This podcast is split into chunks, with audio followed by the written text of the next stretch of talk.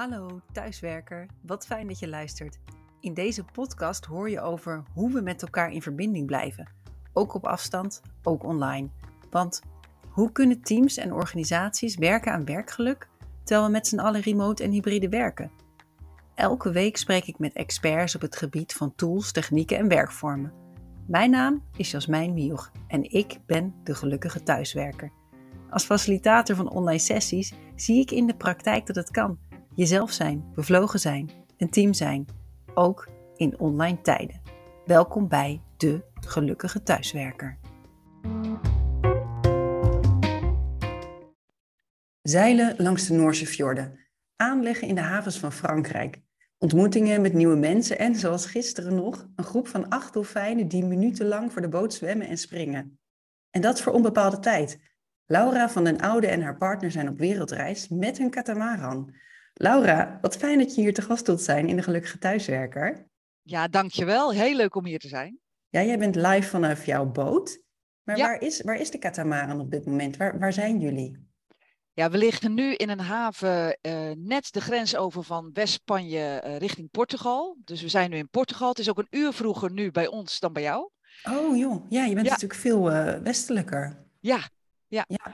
Uh, dus we zijn net aan Portugal begonnen en uh, gisteravond heel vriendelijk ontvangen in de haven hier. Hele leuke havenmeester. Uh, dus ik heb ook gezegd, ik ga vandaag lekker werken vanuit de haven. Ik start om half tien, nou in mijn geval half negen. Dus nou, goede start hier in Portugal. Ja, en je hebt, ja, even super praktisch hoor, maar je zit op een boot in een haven en je hebt gewoon goede internetverbinding en alles. Ja, ja, klopt. Ik heb bij mijn eigen router aan boord. Want je moet niet vertrouwen als je remote werker bent op de Airbnb of op, je, op de haven wifi. Hè? Want als je helemaal aan de andere kant ligt, dan heb je hele slechte wifi. Uh, dus we hebben zelf een, uh, een router. Ja. ja, we gaan meteen helemaal de praktische kant in. Maar we, we zouden uren kunnen praten volgens mij.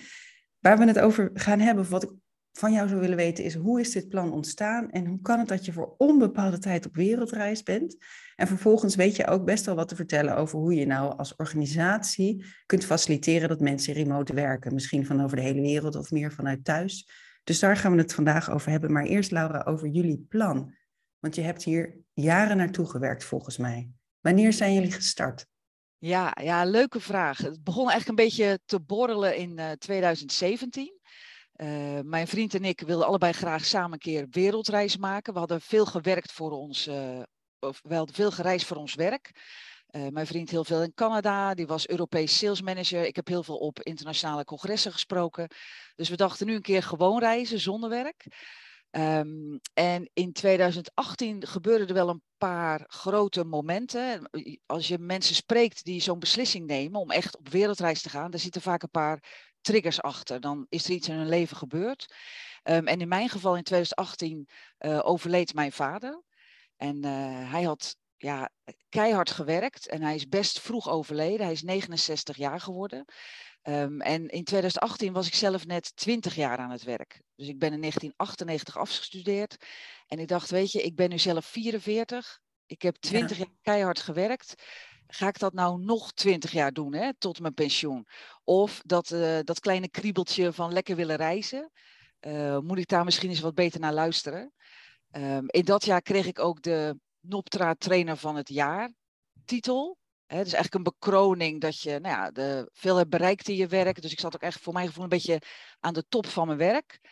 Um, dus ja, al die dingen kwamen een beetje samen. En toen hebben we gezegd, nou, dan willen we graag gaan reizen. Um, en dan, waarom zullen we dat niet op een boot doen? Want we hadden zelf een bootje waarmee we in het weekend heel graag vaarden. Zou dat ook over de wereld kunnen? Dus we zijn botenshows gaan bezoeken. En uh, in 2018 of 19, toen kregen we een mooi aanbod om een heel nieuw schip te kopen. En uh, toen hebben we het gedaan. Jeetje, en, ja. Dus het ja. laat ook wel zien dat er zo'n idee is dat kriebelt. Ja. En dat je dan op een gegeven moment het gevoel hebt van als ik iets meer wil, dan is nu het moment. Ik ken ook wel die uitdrukking het beste moment om een boom te planten is tien jaar geleden. Ja. Het ene beste moment is nu. Dus jullie hebben ja. op een gegeven moment gezegd, we wachten niet langer, we maken onze dromen waar. En heel ja. praktisch aan de slag gegaan. Want ik had ook ergens gelezen in een interview met jou volgens mij, dat jullie helemaal nog niet konden zeilen voordat jullie op, op reis gingen. Ja, dat klopt helemaal. Dus ons leek het idee heel leuk. En we zijn uh, twee keer op vakantie geweest op zo'n katamaran. Uh, dus 2018 en 2019, Mallorca en Griekenland. Dus dachten we, ja, die levensstijl vinden we heerlijk. Lekker buiten, op het water, iedere keer een andere stad, maar wel je eigen huis meenemen. Hè, want dat doe je dan. Ja. Uh, dus weet je, we kopen zo'n boot en uh, een beetje Pipi Langkous. Uh, ik kan nog niet zeilen, dus ik geloof dat ik het wel kan. Hè? Dus we hebben, daarna hebben we het geleerd. dus vandaar dat het nog twee jaar heeft geduurd om te leren zeilen, om een eigen bedrijf te beginnen. Hè? Want we konden nog niet zonder financiën. Uh, dus we hebben wel bedacht hoe kunnen we dan op afstand met mensen wel blijven samenwerken. Dus dit was nog steeds 2019, ja, voor de voor corona. Ja, ja uh, dus het heeft twee jaar uh, geduurd. Maar in die twee jaar hebben we ja, natuurlijk ook heel veel lol gehad om die boot klaar te maken, zonnepanelen erop te monteren. We zijn helemaal zelfvoorzienend. We bakken ons eigen brood. Uh, we maken uit zoutwater maken we zoetwater. Oh, wauw. ook echt heel, heel duurzaam dus. Ja, precies. ja. ja. Oh, prachtig. Ja. En als we het hebben over, ja, over al die plannen die jullie hebben gemaakt, en ik hoor jou zeggen, we konden niet zonder financiën. Nou, dat zal voor ontzettend veel luisteraars herkenbaar zijn. We hebben allemaal geld nodig. Jullie zijn, hebben toen besloten om een bedrijf op te starten. Hebben jullie allebei een afzonderlijk bedrijf gestart? Uh, nee, nee, ik ben vooral als trainer uh, en met mijn naamsbekendheid ben ik mijn eigen trainingsbureau gestart. En uh, mijn vriend had een bedrijf in zonnepanelen. Oh, ja. En die heeft dat uh, verkocht en hij heeft die twee jaar genomen om gewoon alles uit te zoeken over die boot. Hè? Alle techniek, want het is gewoon een, een drijvend huisje op het water met riolering en bedrading. Uh, dus terwijl ik zorgde voor de inkomsten, uh, was hij bezig om die boot ja. te prepareren. en hij werkt eigenlijk ook deels in mijn bedrijf mee. Dus hij doet ook de financiën, de administratie. Dus het is eigenlijk een bedrijf van ons samen. Maar ik doe vooral de trainingen. Ja, ja, ik vind het heel leuk om even wat dieper in te gaan op die trainingen. Want jij bent inderdaad uh, trainer van het jaar geweest via Noptra. En jij hebt ook een eigen bedrijf, Expert Trainers. En je vertelt, ik ben een bedrijf begonnen omdat ik op wereldreis wilde. Is dat, heb ik dat goed begrepen? Dus je was trainer gewoon bij een bureau waarschijnlijk? Ja, klopt. Ja, ik was in dienst 14 jaar lang. En ja. uh, dat, dat deed ik met heel veel plezier. Ik kreeg ook heel veel vrijheid. Dus uh, dat ondernemende zat er altijd wel een beetje in. Ik schreef boeken, ik sprak op congressen. Uh, maar ja, goed, als je dus op reis gaat en wat jij zegt, wij wilden voor onbepaalde tijd, ja, dan moet je gewoon eigenlijk je eigen bedrijf gaan beginnen. en die titel gaf mij ook wel dat setje van, nou, hè, je, je bent het waard om je eigen bedrijf te gaan starten. dus dat heb ik ook gedaan. Ja, die, die, die titel trainer van het jaar bedoel je? Ja, ja precies. Ja. ja. En, ja, ik eh, vind het grappig wat je nu zegt, want toen de tijd we spreken over 2018, 2019, dacht je, ik moet een bedrijf starten, want dan ben ik zo autonoom en vrij zelfstandig als mogelijk. Ja. Op een gegeven moment ontstond natuurlijk de coronacrisis en ik ben ontzettend benieuwd en misschien heb je geen antwoord, maar denk je dat het nu ook had gemoeten dat jij als persoon met een droom en een wereldreis op een boot, dat je dan per se een onderneming moet hebben? Of zou je dat in theorie ook in loondienst kunnen doen? Ja, leuke vraag. En ik heb daar wel antwoord op, want wij komen natuurlijk heel veel zeilers ook tegen, uh, die ook werken vanaf de boot. Uh, bijvoorbeeld ook een dierenarts, uh, mensen die ICT, hè, maar het zijn wel vaak zelfstandig ondernemers. Dat merk ik wel, toch. Um, en er zit ook best wel een parallel tussen het zijn van een zeiler en ondernemen. Het, het zijn allebei mensen die goed met onzekerheid kunnen omgaan. ze zetten een koers uit en onderweg kan er nog van alles gebeuren. En dat komt ook wel erg overeen met ondernemen. Ja, ik moet, ik moet een beetje lachen, want ik denk aan het beeld van zeilen. Dat is heel vaak een metafoor. Ik werk ja. met team- en strategie-sessies. En dan vraag ik teams van, uh, bedenk een metafoor over hoe jullie als team werken. En heel vaak komt dat beeld van die zeil, zeilboot terug, die op koers raakt en die wendbaar is en flexibel. Dus ik vind het heel mooi dat je dat uh, nu zo noemt. ja. Dus je ziet niet veel ondernemers. En, en denk je dat het tegenwoordig met alle remote tools die er zijn, wel mogelijk is om voor een misschien wat vooruitstrevende organisatie of bedrijf wel in loondienst te werken? Ja, absoluut. Kijk, en wat wij doen is natuurlijk ook wel de, bijna de meest vergaande versie. Hè? Voor onbepaalde tijd weg. En ik denk mensen die uh, remote willen werken, die zullen misschien tegen hun werkgever zeggen: um, Ik wil zes, ma zes weken in de winter. Wil ik bijvoorbeeld uh, lekker vanuit Spanje kunnen werken? Kunnen we dat samen afspreken? Dus uh, het hoeft ook niet zo definitief en grootste zijn. Uh, als je in dienst bent, kun je volgens mij prima hè, met alle middelen die we nu hebben, met je werkgever dat wel afspreken. En ik merk dat mensen echt vertrekken uit Nederland en die rondreizen, uh, merken wij dat dat vaak toch wel ondernemers zijn. Ja, ja, ja, dan ben ik wel heel benieuwd naar de praktische kant. Want je had het net over, we hebben onze eigen router. Maar je bent natuurlijk ook vaak op zee, of niet? Hoe is jullie reis tot nu toe verlopen? Waar zijn jullie gestart? Waar gaan jullie nog heen? Ja, we zijn uh, nu één jaar en vier maanden onderweg. Dus we zijn op 1 mei 2021 vertrokken. We zijn eerst naar Scandinavië geweest. Uh, dus dan moet je denken aan uh, Zweden, de fjorden. Via Schotland zijn we weer teruggegaan naar uh, de West-Europese kust. Dus België, Frankrijk. Nu in Portugal. We zijn onderweg naar de Middellandse Zee. Daar willen we een paar jaar zijn, want ja, daar is zoveel te zien. Hè? De Sicilië, Griekse eilanden. Dus daar zijn we denk ik wel een paar jaar. En dan gaan we naar Kaapverdië of de Canarische eilanden. Ligt er een beetje aan hoe de wind uh, staat. En dan gaan we drie weken de oversteek maken over de Atlantische Oceaan. Dat is drie weken non-stop zeilen, 24 uur. Uh, dan kom je aan in het Caribisch gebied.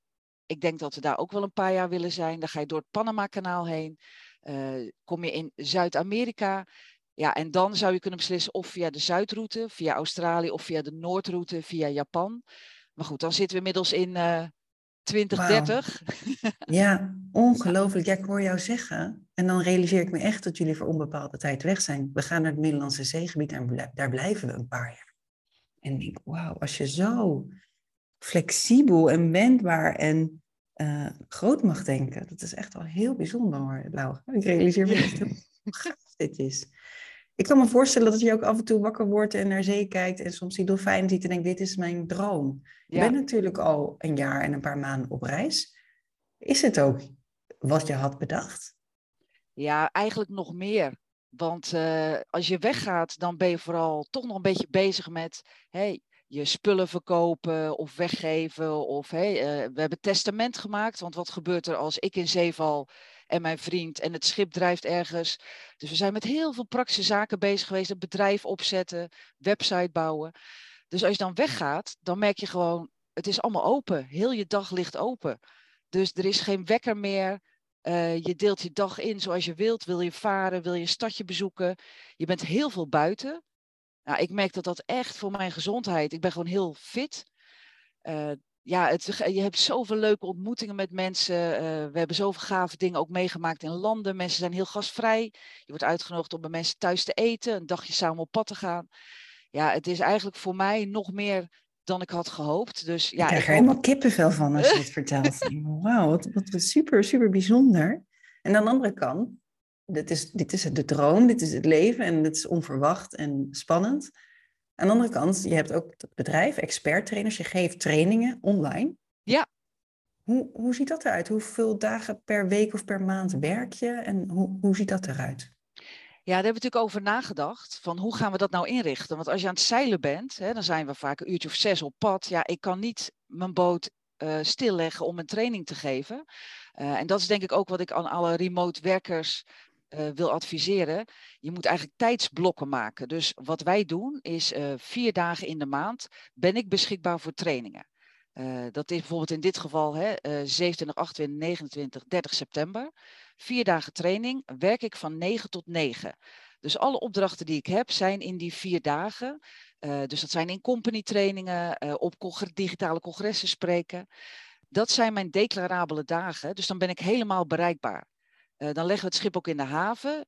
Dan overleg ik ook met de havenmeester om uh, dat, uh, nou, dat we een rustig plekje willen. We testen de wifi. We hebben twee backup wifi-kanalen. Dus via een hotspot en nog een ander simkaartje. Zodat dat in ieder geval goed geregeld is, ja. Ja, ja, dus het is niet zo dat ik aan het varen ben en dan een uurtje een training geef. ja, ik wil gewoon lekker stabiel liggen. Bovendien, ik heb dat één keer gedaan. Uh, dat ik een afspraak had online terwijl we aan het varen hadden. Dat was met een Amerikaan en het kon niet anders dan op dat tijdstip. Nou ja, het was drie kwartier en uh, daarna hing ik ook echt overboord. Want ik was zo misselijk van een bewegend zoombeeld en buiten zag ik alle golven. Ja, je kan niet terwijl je aan het zeilen bent ook sessies geven. Je moet gewoon rustig in de haven liggen. Maar ja, en sowieso dat werken met blokken, dat is natuurlijk vanuit het time management ook bewezen dat dat werkt. Ook voor je ja. productiviteit en je creativiteit. Van ik werk gefocust aan dit. En als ik niet werk, dan ben ik bijvoorbeeld aan het zeilen of aan het ontspannen op een andere manier. Ja, ja, ja en we hebben echt berekend, um, wat hebben we nodig per maand aan inkomsten. En uh, dat hebben we dus teruggerekend dat dat betaald zou kunnen worden uh, als we vier dagen zouden werken. Uh, betekent overigens niet dat ik die andere 26 dagen niet werk. Maar dat zijn dan dingen als marketing, administratie, voorbereidingen doen, alle sheets nasturen. Maar dat kan ik in mijn eigen tijd doen. Ja. dus die vier dagen zijn echt bedoeld voor interactieve momenten. Dat mensen mij kunnen bellen, dat we kunnen zoomen. maar ik heb ook nog een aantal dagen in de maand waarin ik gewoon s'avonds even rustig een aantal dingen uitwerk, boeken schrijf. dus al met al werk ik één week, zeven dagen in de maand, zodat we daarvan drie weken kunnen zeilen. Ja, ja, mooi. Ja, we hadden het niet voorbereid, maar ik zou het toch ook nog wel heel leuk vinden om even in te gaan op jouw werk als uh, online trainer, als expert. Ja. Ja, ik zit zelf natuurlijk ook helemaal in de online interactie en ik ben er helemaal gek op, omdat ik weet dat je online ook heel veel kunt bereiken en heel veel verbondenheid kunt krijgen. En ik weet dat jij daar ook expert in bent, dus dit is de kans om daar wat over te vragen. Veel mensen zullen zeggen, we hebben veel collega's die remote werken. Hoe verliezen, hoe houden we nou die verbinding? Ja. En ik kan me voorstellen dat jij daar wel wat tips over hebt. Maar ik zet je voor het blok, want we hebben het niet voor besproken. nee, maar dat vind ik prima, want dat is inderdaad mijn specialisme. Uh, ik ging sinds 2015 naar allerlei congressen over de wereld, waar ze al lang al met Zoom werkten, met Teams werkten. Zoom is er sinds 2011. Uh, en ik dacht altijd, dan was ik in Amerika, ik denk ja, daar is het ook prima geschikt. Want uh, de afstanden die mensen moeten reizen in Amerika is natuurlijk veel groter dan bij ons dus ik had ook opgeschreven Zoom, interessant. En uh, ik had een abonnementje gekocht om daar wat mee te proberen. Maar ja, wij in Nederland deden daar niks mee. Nee, uh, nee. Dus toen uh, de switch kwam vanwege corona, had ik al een online academy opgericht. En dat is specifiek gericht op mensen die dus samenwerken met anderen in een begeleidingsrol. Dus denk aan trainers, workshopsbegeleiders, projectleiders, managers. Hoe werken we nou digitaal samen? Hoe geef je nou een goede online workshop? Waarbij je de aandacht vasthoudt, waarbij iedereen zich gezien en gehoord voelt. Uh, dus dat is mijn specialisme geworden nu. En daar help ik nou, zorginstellingen mee, gemeentes mee. Uh, en jouw vraag van hè, hoe, hoe doe je dat dan? Hoe houd je verbinding? Uh, ja, er zijn gewoon eigenlijk didactische technieken voor om verbinding te maken. Ik merk heel vaak dat sessies worden gewoon begonnen met, nou, vandaag gaan we het hebben over projectmatig werken. we hebben tien agendapunten. Uh, terwijl mensen willen ook weten wie zit hier allemaal. Ja, de check-in. Ja, dat is een hele belangrijke online, want je zit op afstand. Dus uh, ja, eerst maar eens even starten met waar zit iedereen überhaupt? En dan krijg je de verhalen. Hè, ik zit in een vakantiehuisje van een vriendin. Uh, je ja, kan ik vind, ik vind het wel leuk om voor de luisteraar nu te delen wat wij hebben gedaan voordat we de recording aanzetten wij zitten hier ook in Zoom en voordat we de recording aanzetten, vroegen we aan elkaar, waar zit jij? En jij hebt toen het luik laten zien, je hebt je partner laten zien die aan de andere kant van de boot uh, werkt en je hebt uh, het water laten zien. Ik heb het schilderij hier op de achtergrond laten zien. Maar het is heel fijn om door het scherm heen even te voelen, hoe, hoe ziet die ruimte eruit? Waar ben je nu? Dus ja. de, check-in, dat is echt een hele belangrijke en fijne. Ja. ja, ja, want ik weet wel dat mensen zeiden, ja, online is zo onpersoonlijk. Maar dat vind ik juist niet. Want jij kijkt bij mij nu in mijn boot. En uh, jij hebt verteld over waar jij in het huis zit en over je kinderen. Uh, dus ja, het is juist, vind ik, persoonlijk. En als je daar gebruik van kan maken tijdens je sessie, uh, door mensen ook dingen bijvoorbeeld in het huis te laten doen, iets te laten vertellen over waar ze zitten, dan wordt het alleen maar dichter op de huid. Ja. ja, wat leuk, want dat je dit noemt, want ja, ik was zelf extreem actief met online werk voor mijn interactie in 2020, 2021. En ik merk nu we in een soort hybride vorm zijn gegaan, dat dat weer is afgenomen. Ja. En nu je dit zo noemt, denk ik, ja, misschien moeten we het gewoon weer herintroduceren. Van als je online zit, doe toch maar weer een keer die rondleiding door je huis met je nieuwe collega's. Doe, hou die inchecks, die check-ins vast. Ja. Dat is, het is zo zonde, maar het zijpelt het zijpelt een beetje weg, merk ik nu we meer hybride werken. Ja, ik weet niet, daar heb jij misschien geen last van, omdat je helemaal niet hybride kan werken. Althans, je bent alleen online bereikbaar. Maar ja, het zou mooi zijn als we daar wat meer mee, mee konden doen. Ja, ja, en uh, ik ben het helemaal met je eens hoor. En wat ik bijvoorbeeld nu vaak merk, omdat in het najaar uh, zijn er wat meer congressen live op locatie. Dus dan word ik uitgenodigd als digitale spreker. Dus dan zie je mij op een groot scherm en de groep zit in de zaal. Maar soms zitten daar ook wel mensen die ook online deelnemen. Dus dan hebben we alsnog een hybride sessie. En dan is het gewoon leuk om met een paar vragen te starten. Van uh, wie werkt langer dan tien jaar in de organisatie? En dan gaan er zowel handen omhoog in de zaal, maar ook online. En dan heb je al meteen al verbinding. Dus als je een hybride sessie hebt, ga niet een rondje doen eerst alle mensen online en dan alle mensen in de zaal. Want dan blijf je twee groepen houden, maar maak het gewoon zo snel mogelijk één groep. Ja, dat is wel ja. belangrijk. Ja, mooi. Jij geeft ook training en tips over hybride werkvormen. Want dat is misschien wel een van de allermoeilijkste dingen die er is. Ja. Ik heb zelf ook regelmatig hybride conferenties begeleid. En dat is met een werk. Dat is gewoon dubbel voorbereiden, dubbel actief. Wat, wat ook wel is, ik weet niet of jij daar wel eens mee werkt, is als je een hybride bijeenkomst hebt, dat je zowel een online facilitator hebt als een facilitator op locatie. Is dat? Ja. Ja. ja hoe maak je dan die, die verbinding van, van die twee collega's online en op locatie? Heb je daar nog een mooie werkvorm voor? Ja, uh, wat mij uh, altijd helpt is om heel duidelijk je rollen af te spreken. Want uh, het is voor deelnemers natuurlijk ook, oké, we hebben nu twee begeleiders. Wie doet nou wat en aan wie kan ik vragen stellen? Dus ik heb dan altijd een hele duidelijke rol dat er één hoofdbegeleider is. Dat is toch vaak de persoon die in de zaal staat. En de online begeleider houdt vooral de chatvragen bij. En die is een soort sidekick die af en toe samenvattingen geeft of punten die in de chat aan het gebeuren zijn, die de groep in de zaal niet ziet. Uh, en als je dan hele duidelijke rollen houdt, dan is het voor iedereen gewoon een hele fijne combinatie om uh, op die manier samen te werken. Ja, mooi. Ja, we hebben het nu echt over grote hybride events, conferenties, symposia. Maar er zijn natuurlijk ook ontzettend veel collega's en teams die vaak hybride vergaderen tegenwoordig. Ja. Ik heb zelf bijvoorbeeld een wekelijkse vergadering die eigenlijk op locatie is. Toch is er soms wel weer iemand die zegt: Ik ben online, ik ben ziek. Of althans, ik, ik heb iets, maar om wat voor reden dan ook sluit ik online aan en heb je één of twee deelnemers online en een stuk of vier, vijf op locaties. Hoe kan je nou een mooie check-in doen bijvoorbeeld om die groep een team te laten zijn? Ja, en dit herken ik ook hoor. En vaak is het ook last minute. En dat is voor een begeleider best lastig. Wat je ook zegt, als je een hybride sessie begeleidt, ja, dat vraagt hele andere voorbereiding. dus je kan minder met een flip over werken, omdat er ineens iemand digitaal is. Uh, dus ja, een van mijn uh, favoriete incheck oefeningen is eigenlijk dat de groep zelf vragen bedenkt waar ze nieuwsgierig naar zijn naar de ander.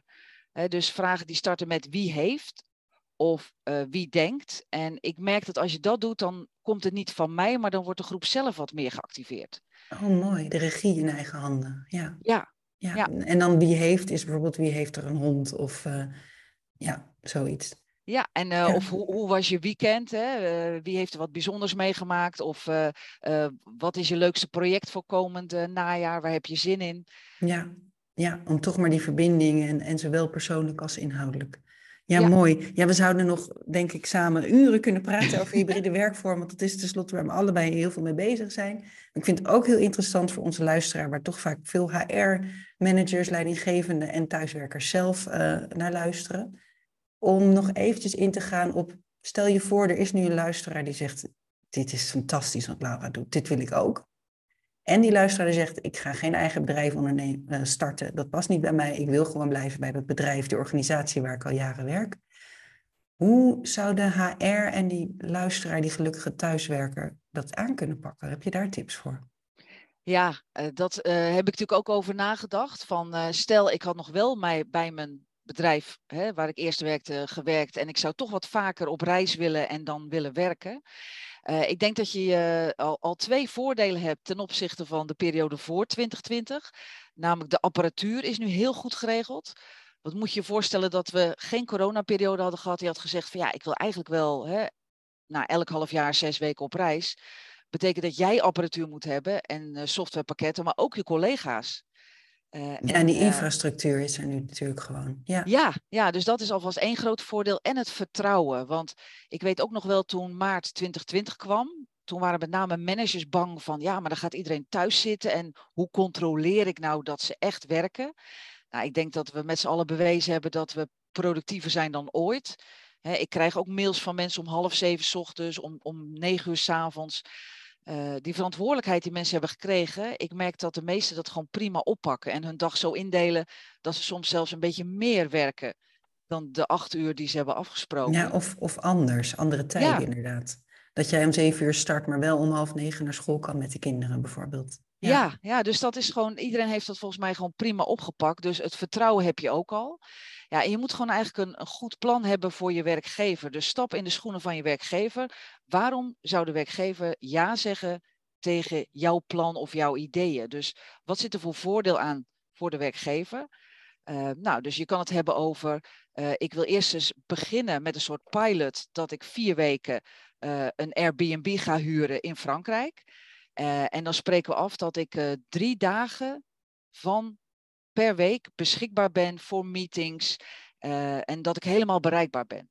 En die andere twee dagen, nou, dan ben ik gewoon vrij en dan ben ik ook niet bereikbaar. Of die andere twee dagen werk ik zelf. Laten we dat eerst eens proberen, die vier weken, kijken of het bevalt. Um, dus begin ook niet al te groot, maar hou het klein. En, en experimenteer dus, hoor ik jou zeggen. Ja. ja. Ja, en maak gewoon goede afspraken en hou je ook aan die afspraken. Hè? Dus als jij zegt drie dagen, dan zit je gewoon om acht uur klaar. Uh, en, dan, dan ben je, er ook. Ja, ja het is vertrouwen krijgen, maar ook vertrouwen geven. Dus betrouwbaar zijn. Ja, ja. ja, en, ik denk, uh, Laura, als ik jou hoor, is er eigenlijk geen enkel bezwaar om het niet te doen op één belangrijk struikelblok, denk ik. Want ik ben veel bij teams en die zeggen, we willen toch dat we minstens één dag per week bijvoorbeeld bij elkaar zijn. Voor die informele koffiegesprekken, voor het gevoel, verbinding met het team, verbinding met de organisatie. Dat het zo ontzettend fijn is om dan wel even bij elkaar te zijn. En ik merk ook dat teams die dat afspreken, die ene dag dan gaat het helemaal niet over de meetings, maar dan gaat het over die verbondenheid met elkaar. Misschien de brainstorms, de creativiteit, de strategische sessies. Dat, dat is online best wel lastig om te evenaren. Ja, nou weet ik wel dat dat kan, maar dat vraagt heel veel skills, toch ook? Nou ja, jij bent natuurlijk zelf een expert erin. Ik doe daar ook ontzettend veel mee, maar niet elk team heeft zoiets. Wat zou je hen kunnen aanraden om toch die verbinding te krijgen? Of, of zouden mensen gewoon zeggen, één keer per maand ga ik toch eh, een week of zo terug? Of ik zie je knikken. wat, wat zijn jouw gedachten hierbij, bij dit struikelblok? Ja, ik merk deze ontwikkeling ook. Uh, dat mensen zeggen, ja, weet je, één keer in de drie weken zorgen gewoon in een periode van twee uur dat we echt allemaal op kantoor zijn. Uh, dat het wat meer informeel is. Hè? Dan komen de gebakjes en dan is het gewoon vrij praten. Omdat je anders krijgt dat de mensen die altijd online zijn, nooit de collega's ontmoeten die heel vaak op kantoor zijn. Uh, en er is toch iets van wat ze noemen een proximity bias. Je hebt meer voorkeur voor mensen die je regelmatiger ziet. Gewoon omdat ze meer nabij zijn. En, en die ene collega die heel veel online werkt of op reis is, ja, die drijft een beetje af. Mooi het uh, woord drijven in deze context. Ja, ja dus ik denk inderdaad, um, uh, zorg af en toe dat je naar Nederland komt. Wij zijn in die één jaar en vier maanden zijn we ook gewoon uh, vier keer naar Nederland gegaan. Nou, dan spreek ik natuurlijk met iedereen af. Um, je kan zeggen van als die twee uur er is in die drie weken, dat jij dan toch online op een schermpje erbij bent, is niet de meest ideale versie. Uh, maar ik vind dat je ook zelf verantwoordelijk bent als remote werker om die warme persoonlijke momenten te creëren. Dus ik spreek, heb heel veel digitale koffiemomentjes met mijn opdrachtgevers, mijn vakgenoten. Dat is gewoon een half uurtje, uh, letterlijk met koffie erbij, waarin ja. we gewoon alleen maar bijpraten over heb je vakantieplannen? Hoe gaat het? Wat merk je in je werk? Wat zie je aan trends in het vak? Uh, maar dan dus niet opdrachtspecifiek, maar gewoon een digitaal koffiemomentje. Ja. En dan doe je dat dus één op één. Dus niet, en dan blijf je warme contact houden met individu individuen in jouw eigen team. Ja, ja, hele mooie tip. Hoe ik dat zelf vaak doe, is dan liever niet uh, online, maar telefonisch. Ja. En dan ga ik wandelen en dan nodig ik de ander ook uit om ook te gaan wandelen. A, omdat het natuurlijk in het belang van vitaliteit, gezondheid, beweging is. Maar B, ook omdat ik online merk dat ik dan toch soms nog te veel gefocust ben op het beeld. Terwijl als het in mijn oren zit, kan ik veel beter luisteren naar de persoon. Ja, dat is natuurlijk ook de reden waarom ik fan ben van podcast. Omdat je gewoon ontzettend goed kunt luisteren naar de ander en echt kunt reageren. Ja. Gesprekken zijn toch vaak, ik wil iets vertellen, jij wil iets vertellen. Terwijl bij telefoongesprekken is, hoop ik toch dat mensen zeggen, ik luister naar jou. En jij luistert naar mij. Dus dat ja. is heel mooi. Mooi, die verbinding. Ik merk dat we alweer onwijs lang aan het praten zijn. Ik heb twee vaste vragen in deze podcast. Nou, bij de ene weet ik eigenlijk al zeker dat het antwoord ja is. maar ik begin met de andere. Heb jij nog boekentips of andere podcast luistertips? Ja, um, waar ik heel erg fan van ben, is de podcast van Ben Tichelaar. Uh, ja. om, uh, op BNR Radio, omdat hij uh, heeft een heel breed pakket. Dus het gaat over persoonlijke ontwikkeling, het gaat over samenwerking met collega's, het gaat over trends, over psychologie.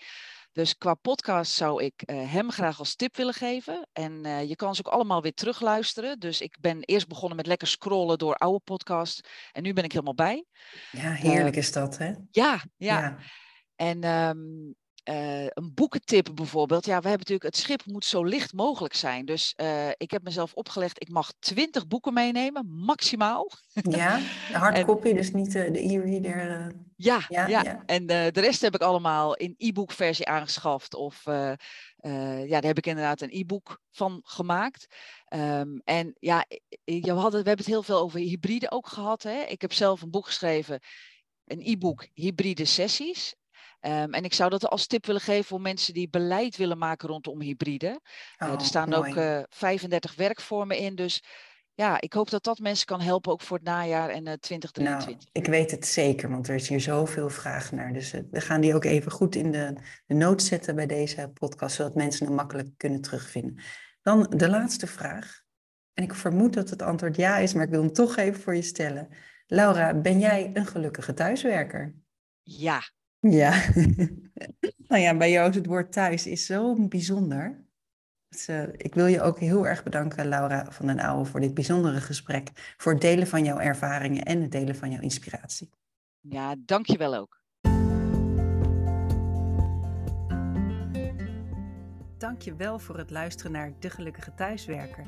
Heb jij zelf tools en tips die iedereen moet kennen? Laat het me weten. Of heb je een prachtig praktijkvoorbeeld? bel me dan gerust. Vond je deze podcast de moeite van het luisteren waard? Laat dan een review achter en deel de podcast in je netwerk of op social media. Veel geluk iedereen!